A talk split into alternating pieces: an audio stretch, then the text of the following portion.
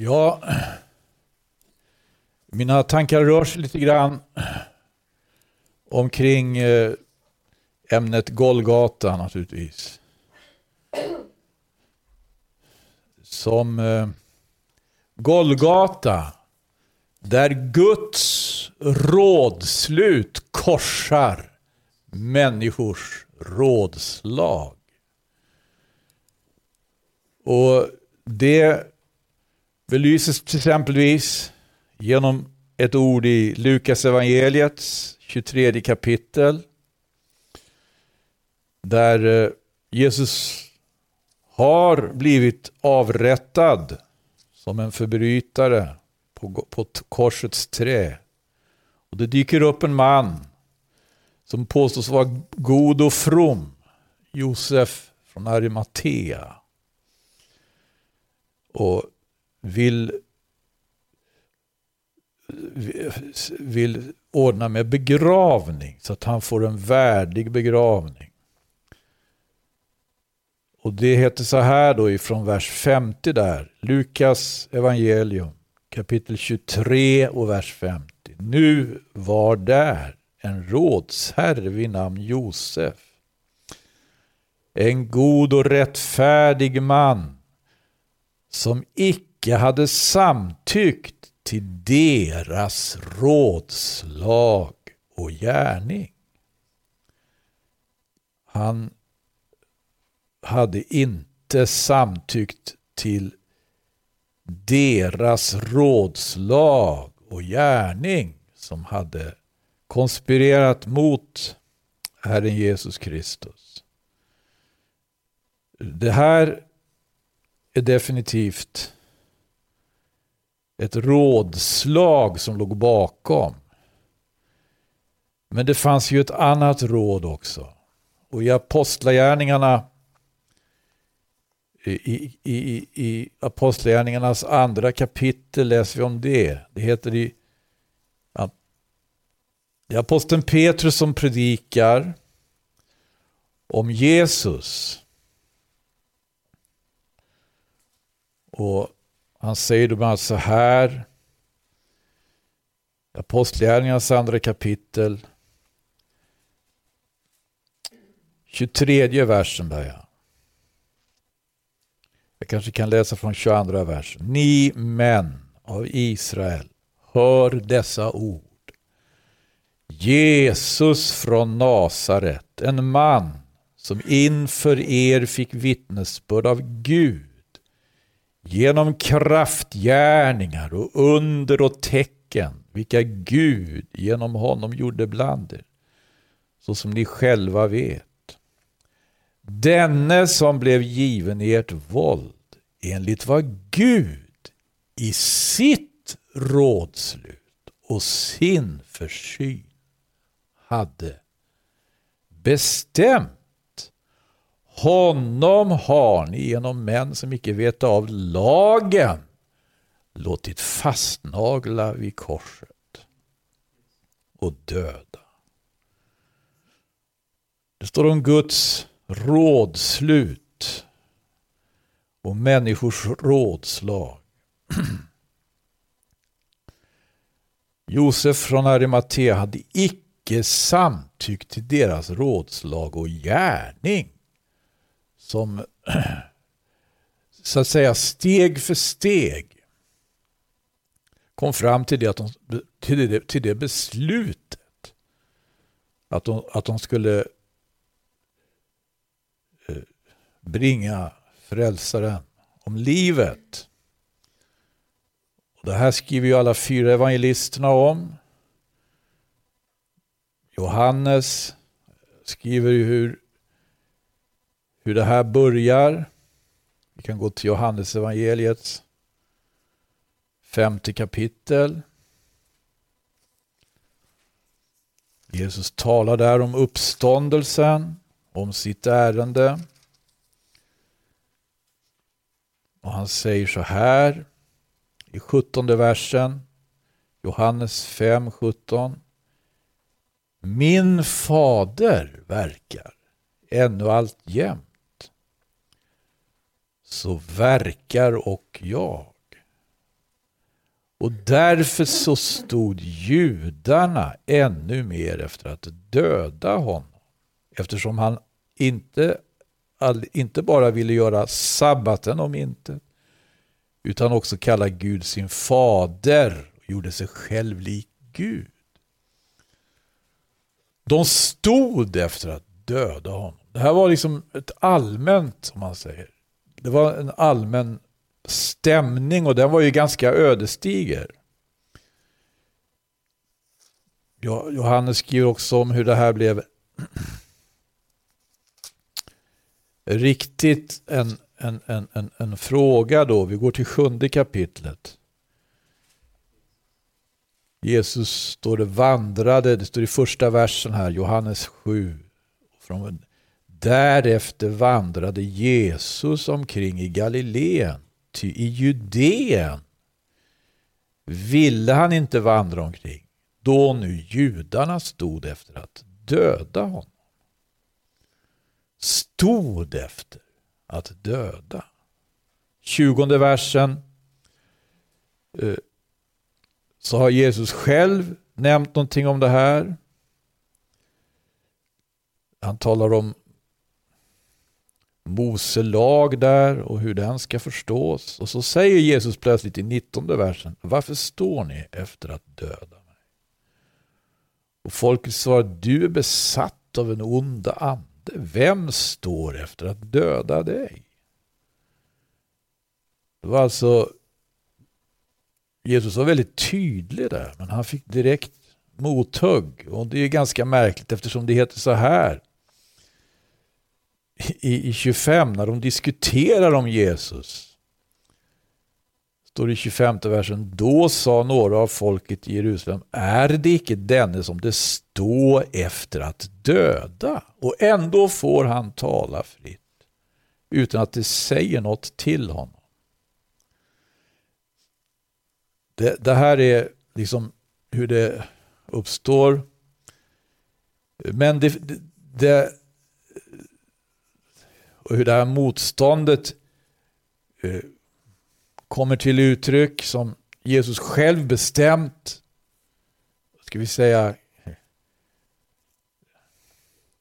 klassar som alltså en avsikt att döda honom.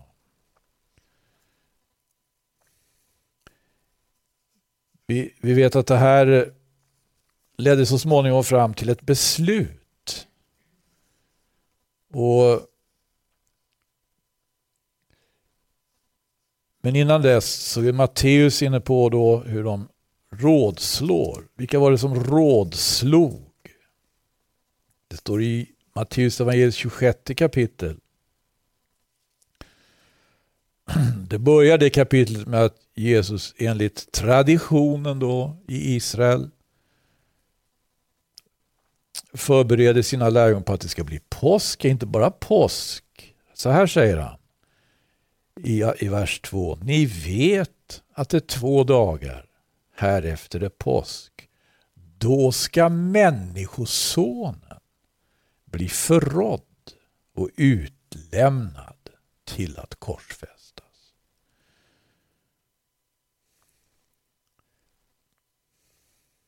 Och då står det så direkt här i tredje versen. Därefter församlar sig översteprästerna och folkets äldste hos översteprästen som hette Kajafas i hans hus och rådslog om att låta gripa Jesus med list och döda honom. Och nu var det alltså inte bara bland folket, en, en, det var ju definitivt inte alla som var av det slaget. Många tog ju med glädje emot Jesus. Men det fanns alltså det här motståndet. Det här tog så småningom också fick fäste i själva Jerusalem och ibland de som hade något att säga till om. Och det var alltså översteprästerna och folkets äldste. Det rådslog, står det i fjärde versen, Matteus 26. Det rådslog om att låta gripa Jesus med list och döda honom. Men det sa icke under högtiden för att inga oroligheter ska uppstå bland folket. De stod efter att döda. De rådslog också om det här. Och i 27 kapitlet i Matteus evangelium så heter det så här. Då hade Jesus tillbringat den sista kvällen tillsammans med sina lärjungar. Han hade talat vid upprepade tillfällen. Jesus var ju med tror, tre, fyra, fem gånger enligt Matteus. Men även enligt de andra så förutsäger han allt det här som ska komma. Han säger det här är vad som väntar. Och då hade vi eh, den, det tillfället då han bröt brödet med lärjungarna. Då förrädaren dyker upp. Förrädaren som eh, hade hamnat i det väldigt helt beklämmande eh, ska vi säga, rollen som förrädare. Hade lyssnat till Jesus. Hade stått, om vi säger, i den kraftfulla tjänsten under Jesus. Han hade varit med bland dem som predikade när Jesus sände ut dem. Han hade varit med bland dem som enligt som på Herrens befallning drivit ut onda andar. Han hade varit med bland dem som befriade människor och bedit för människor så att människor blev botade från sina sjukdomar. Och han hade lyssnat till Jesu undervisning när Jesus ville att hans lärjungar skulle få blicka in i Guds rådslut. Men han hade fångats av människors rådslag. Och det var just de här översteprästerna eh, som han av någon anledning drogs till och vars sällskap han i det kritiska eh, momentet föredrog. Ja. Och det är faktiskt så i det här samtidigt, i 26 kapitlet lite längre fram där så är det någonting som gör att det liksom blir för mycket för honom. Jesus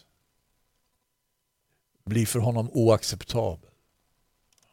Och det heter i 14 versen. Därefter gick en av de tolv, den som hette Judas, Iskariot bort till översteprästerna och sa Vad vill ni ge mig för att jag ska överlämna honom åt er? Då vägde det upp åt honom 30 silverpenningar, 30 silvermynt. Och från den stunden sökte han efter lägligt tillfälle att förråda honom.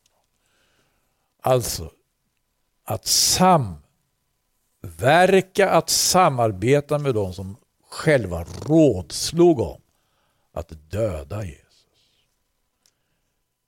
De stod efter människor.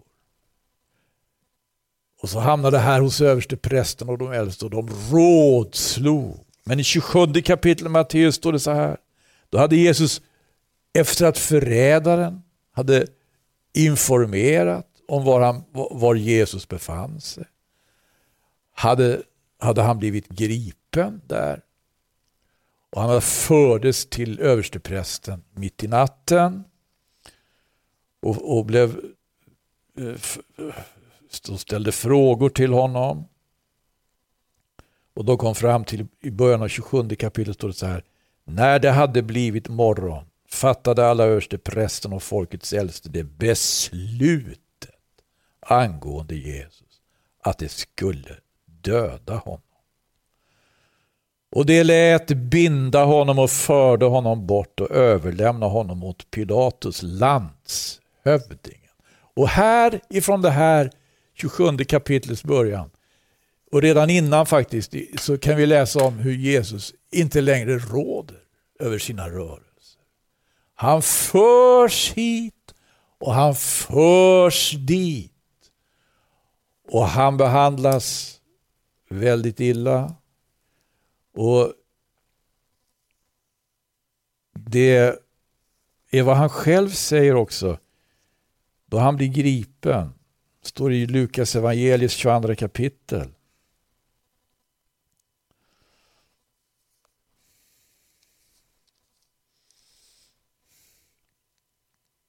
Vi kan läsa om det här där.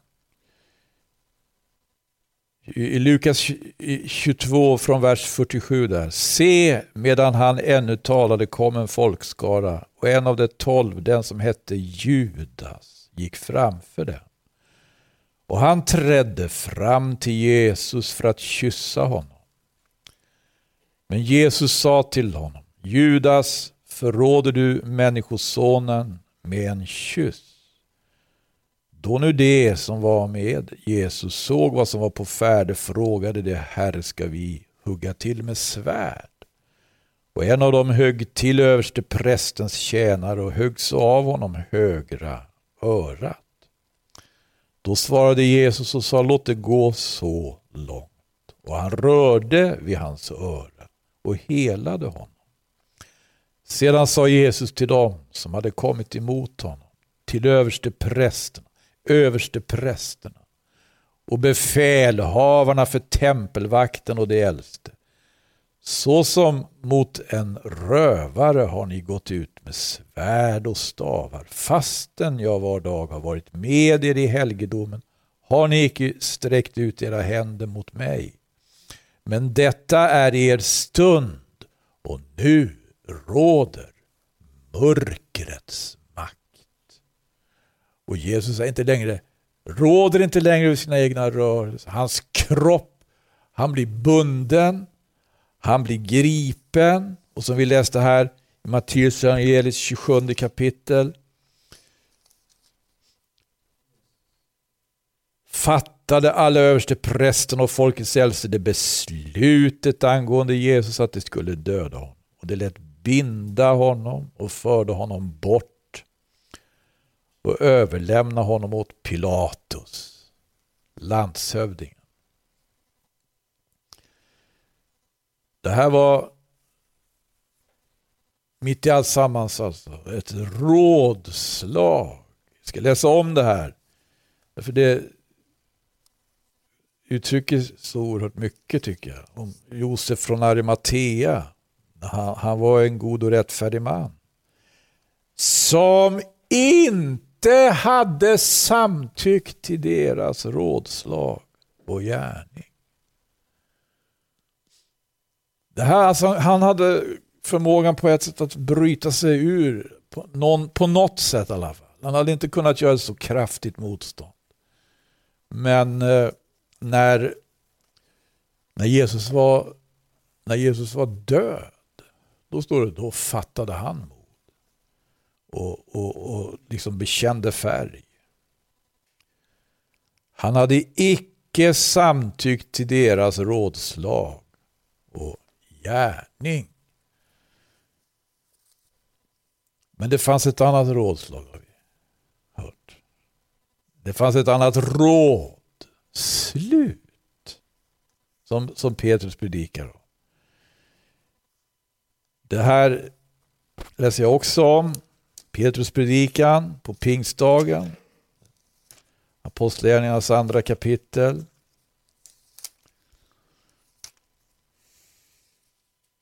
Tredje vers. Han predikar om Jesus, han säger denne som blev given i ert våld enligt vad Gud i sitt rådslut och sin försyn hade bestämt. Honom har ni genom män som icke vet av lagen låtit fastnagla vid korset och döda. Människors rådslag hade gått långt. här. Men tänk att Guds rådslut, det, det han i kapp. Och det här är någonting som Bibelns profeter och vise får erfara eh, på olika vis. Jobb uttrycker sig på det här sättet. I Jobs bok kan vi se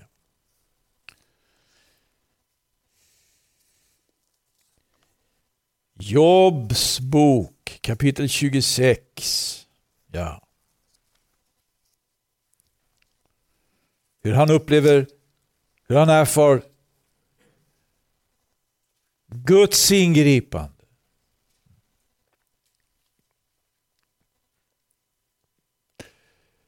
Eller hur han överhuvudtaget erfar Gud. I eh, 26 kapitlets elfte vers. Himmelens pelare själva. Det gripas av förfäran vid hans näpst. Med sin kraft förskräckte han havet och genom sitt förstånd sönderkrossade han Rahab. Blott han andades blev himmelen klar. Hans hand genomborrade den snabba ormen. Vad är det för någonting? Den snabba ormen. Den snabba ormen manifesterar sig genom människors rådslag, genom överste prästers och äldstes och skriftlärdes rådslag.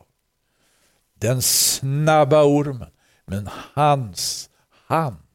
Vems hand? Guds hand. det står så här också i Jobs bok, i nionde kapitlet.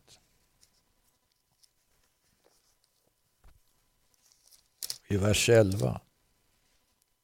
Se, han far förbi mig innan jag hinner att se det. Han drar framom mig förrän jag blir honom varse så, så upplever Gud jobb. Jobb Gud. Så upplever jobb Gud.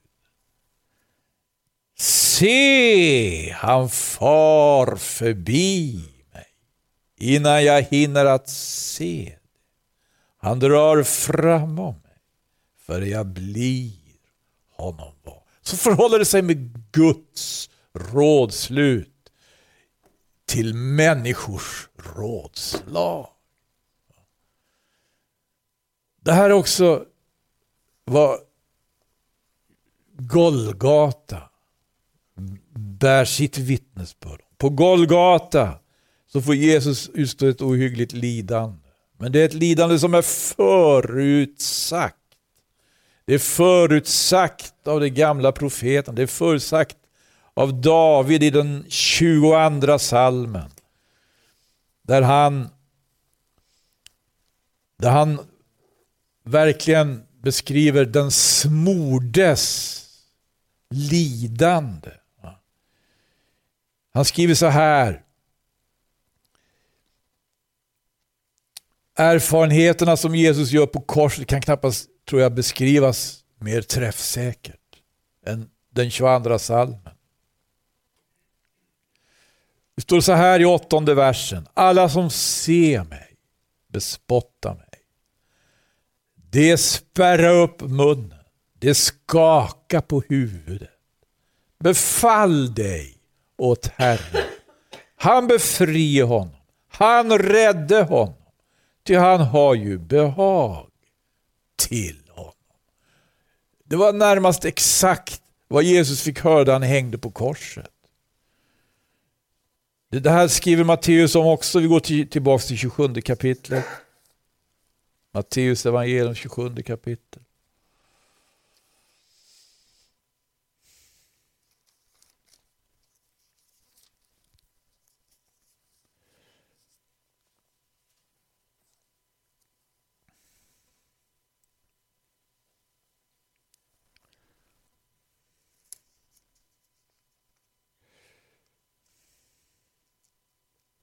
Det står så här i 39 versen. Det som gick där förbi bespottade honom och skakade huvudet och sa Du som bryter ner templet och inom tre dagar bygger upp det. Hjälp dig nu själv om du är Guds son och stig ned från korset. Vilken, vilken förfärlig avgrundsande som talar här. De, de, de säger till honom som har stigit ner så djupt som ingen annan. Han som har redan stigit ner så djupt som ingen annan. Därför så hänger han där på korset. Därför att han har just gjort det. Det här som eh, aposteln Paulus i Filipperbrevets andra kapitel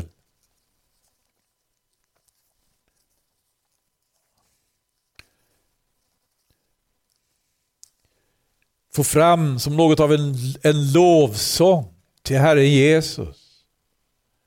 När han uppmanar Filipperna i andra kapitlet i Filipperbrevet i femte versen. Var så till sinnes som Kristus Jesus var.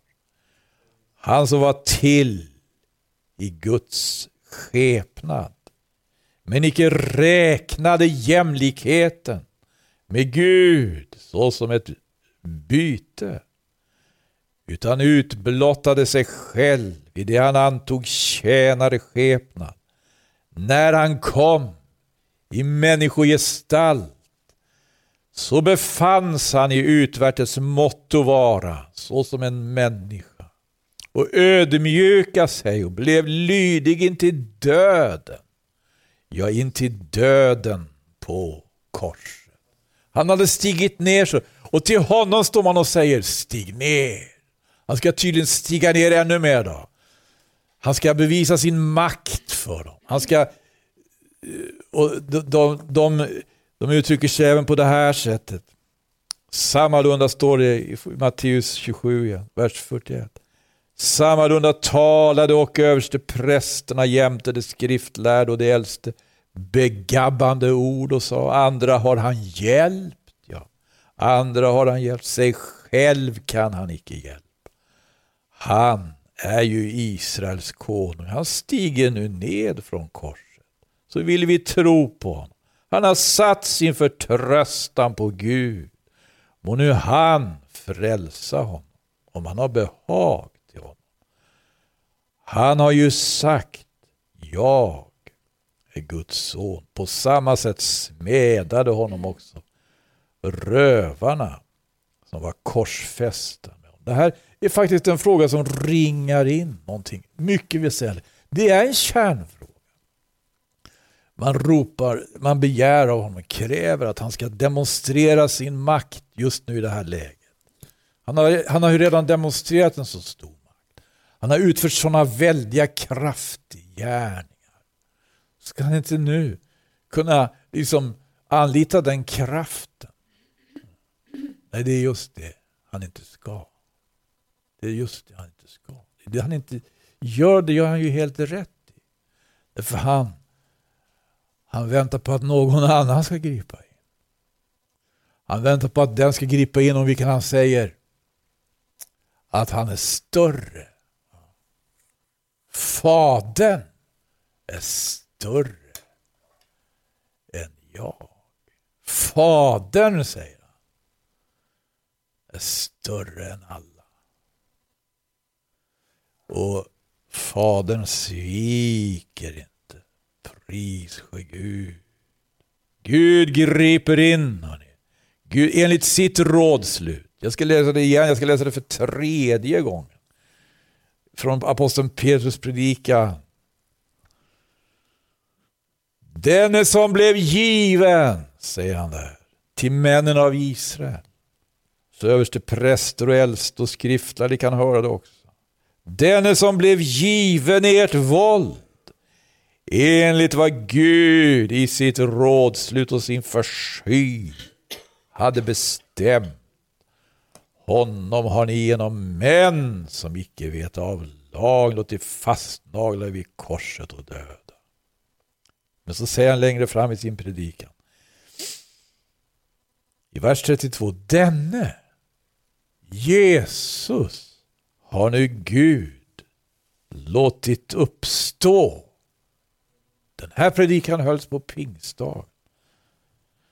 Denne Jesus har nu Gud låtit uppstå. Därom kan vi, kan vi alla vittna. Och sedan han genom Guds högra hand har blivit upphöjd och av Fadern undfått den utlovade heliga Ande har han utgjutit vad ni här ser och hör. Ja, Gud hade gripit in. Han som Jobb säger att, att hans hand genomborrar den snabba, den snabba ormen. Som är så snabb som ingen annan, som man tycker det finns ingen som hinner ikapp. Den snabba ormen hugger och ingen kan värja sig, men så kommer Gud och hans hand genomborrar. Det här är ett rådslut. Det här är ett Guds rådslut. Som aposteln Paulus också skriver om i sina brev, liksom aposteln Petrus. Och prisar Fadern. I Efesierbrevets första kapitel kan vi läsa. I elfte versen. Vi kan läsa sammanhanget. Jag kan läsa 12, från tolfte versen, det kanske räcker. Så skulle vi, hans härlighet till pris, vara det som i Kristus redan i förväg har ägt ett hopp. I honom har, ni, har jämväl ni, sedan ni har fått höra sanningens ord, er frälsningsevangelium, ja honom har ni sedan ni nu har kommit till tro. Så som ett insegel undfått den utlovade heliga ande. Underbart, stämmer helt överens med predikan som Petrus höll. Men det heter så här i elfte versen, jag ska, skulle inte hoppa över det.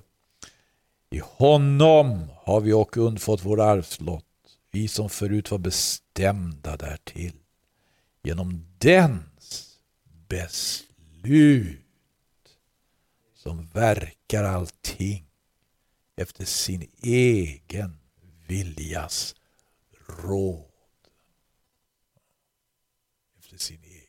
Gud, hans rådslut och hans försyn verkar på detta sätt. I Hebreerbrevets sjätte kapitel läser vi.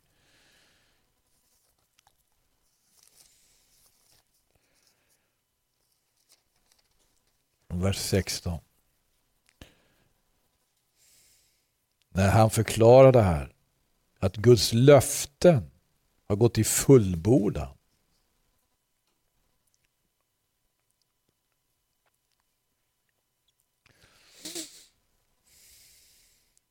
Därför, när Gud ville för dem som skulle få till arvedel vad löftet innebar, ännu kraftigare bevisa oryggligheten av sitt rådslut la han därtill en ed. Han, han, han skriver här om, om Abraham.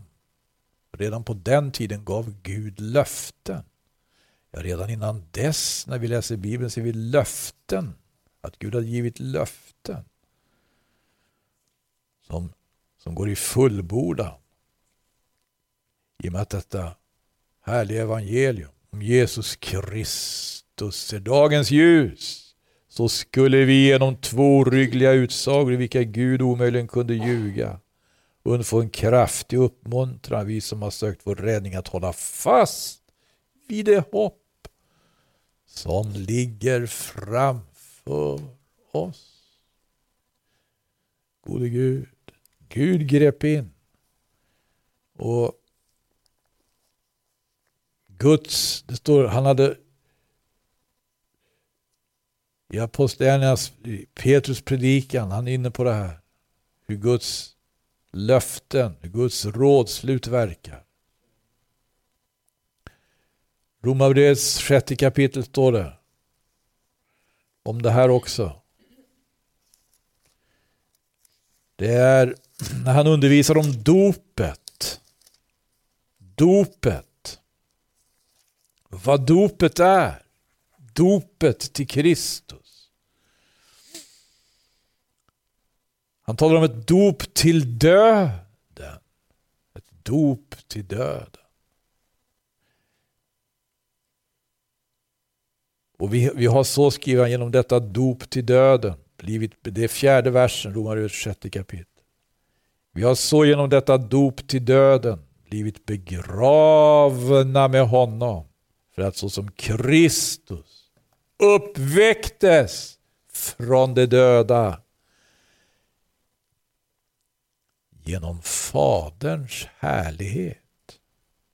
Också vi ska vandra i ett nytt väsende, i liv. Det är det som han... Därför hänger han på korset. Därför lyssnar han inte till de här rösterna som kräver att han ska demonstrera den makt han tidigare demonstrerade. Nej. Han vet vem han har fått makten ifrån. Han vet vem som har givit honom den. Och Det här är också vad profeten Sakarja talar om. Allt det som sker när Jesus rider in först i Jerusalem och sen utstår sitt lidande. Profeten Sakarja i kapitel 9 nämner ju om vissa så att säga saker, vissa inslag i det här. Vi kanske kunde ta vara på tillfället och lyfta fram. För profeten Sakarja är ju den som skriver som han gör i nionde kapitlet i sin bok, i nionde versen. Fröjda dig storligen, du dotter Sion. Höj jubelrop, du dotter Jerusalem. Se din konung kommer till dig. Rättfärdig och segerrik han. Han kommer Matti ridande på en åsna, på en åsninnas fåle. Det var det här som skedde i Matteus evangeliet 21 kapitel. Jesus, då, då påminns också om den här profetian. I samma kapitel i Sakarja, den här profetian finns, så står det också om förbundsblodet. Det står om i elfte versen. För ditt förbundsblods skull vill jag också släppa dina fångar fria ur gropen där intet vatten finns. Vilken förfärlig fångenskap. Att vara fången i en grop där inga vatten finns. Men det här beskriver verkligen syndarens situation. Syndarens situation. Det beskriver den situation som är som vi hörde inledningsvis om att vara utan hopp och utan Gud i världen. Nu förändras saker och ting.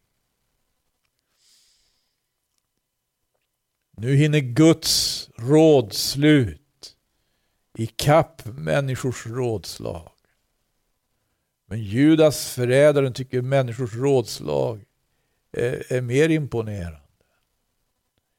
Han skulle, kunna, han skulle kunna ta vara på att Jesus ville låta honom blicka in i Guds rådslut. Men han föraktar detta. Istället så tar han del i människors rådslag när människor vill bringa Jesus om livet. Men det här har ju sin, sitt syfte. Det ska ut, det här budskapet, det ska ut i de fyra väderstrecken. Och Sakarja tror jag, han talar även om missionen i kapitel 9. Det står så här i trettonde versen. Ty jag ska spänna Juda såsom min båge och lägga Efraim såsom pil på den. Och dina söner, du Sion, ska svänga såsom spjut mot dina söner, du Javan. Sions söner, det är apostlarna som han slungar ut. Det hamnar i Grekland, det är Javan. I Grekland där man är så intelligent, där finns filosoferna. Men så kommer apostlarna, de kommer så som spjut och skär igenom alla klyftigheter. och det uppstår församlingar. Gode Gud, pris Gud. Men nu lever vi i ändens tid. Hörni. Vi närmar oss. Änden kastar sina ödesdigra skuggor över vår tillvaro. Men vi, vi vet, ära vare Gud, att Jesus Kristus är densamme igår, idag, så och i evighet. Ska vi ta vara på det? Ska vi ta vara på det budskapet? Ska vi bedja det, om det i dessa dagar, att vi får se in mer i Guds rådslut, att vi blir mer, mer förankrade och mer befästa i Guds rådslut och förstå vad Gud har i, i tankarna för den tid vi lever i och att vi, när människors rådslut kan te sig kanske mer attraktiva än någonsin ibland. För man har blivit mer och mer intelligent i, i världen. Men vad är det för intelligens? Det är trots allt inte den intelligens som förmår att fatta Guds väsen. På ett sånt sätt som till exempelvis gudsmannen Jobb gjorde i sin tid. Men han hade ju blivit väldigt förkrossad. Han hade kommit nära Kristi kors. Och det är där, in till korset, som vi får ett tillfälle, pris att lära känna vår Gud, vår skapare. För Jesu blods skull. Amen. Vi prisar dig Herre, vi tackar dig. Tack Herre för att vi har tillfälle att samlas på det sätt vi nu har. Även om vi har begränsade nu förutsättningar. När vi får församlas omkring ordet. Herre, jag ropar till dig, förbarma dig, förbarma dig. Låt det här ordet, Herre, tala vidare, Herre. Gud, du kan tala genom din ande, Herre. Du kan fortsätta, Herre. Tack för att den heliga Ande, Herre, är sänd just för att undervisa, för att påminna om Jesus själv och göra påminnelsen tydlig och klar och för att förutsäga vad komma skall. Herre, vi prisar dig. Herre, vi tackar dig, levande Gud. Amen.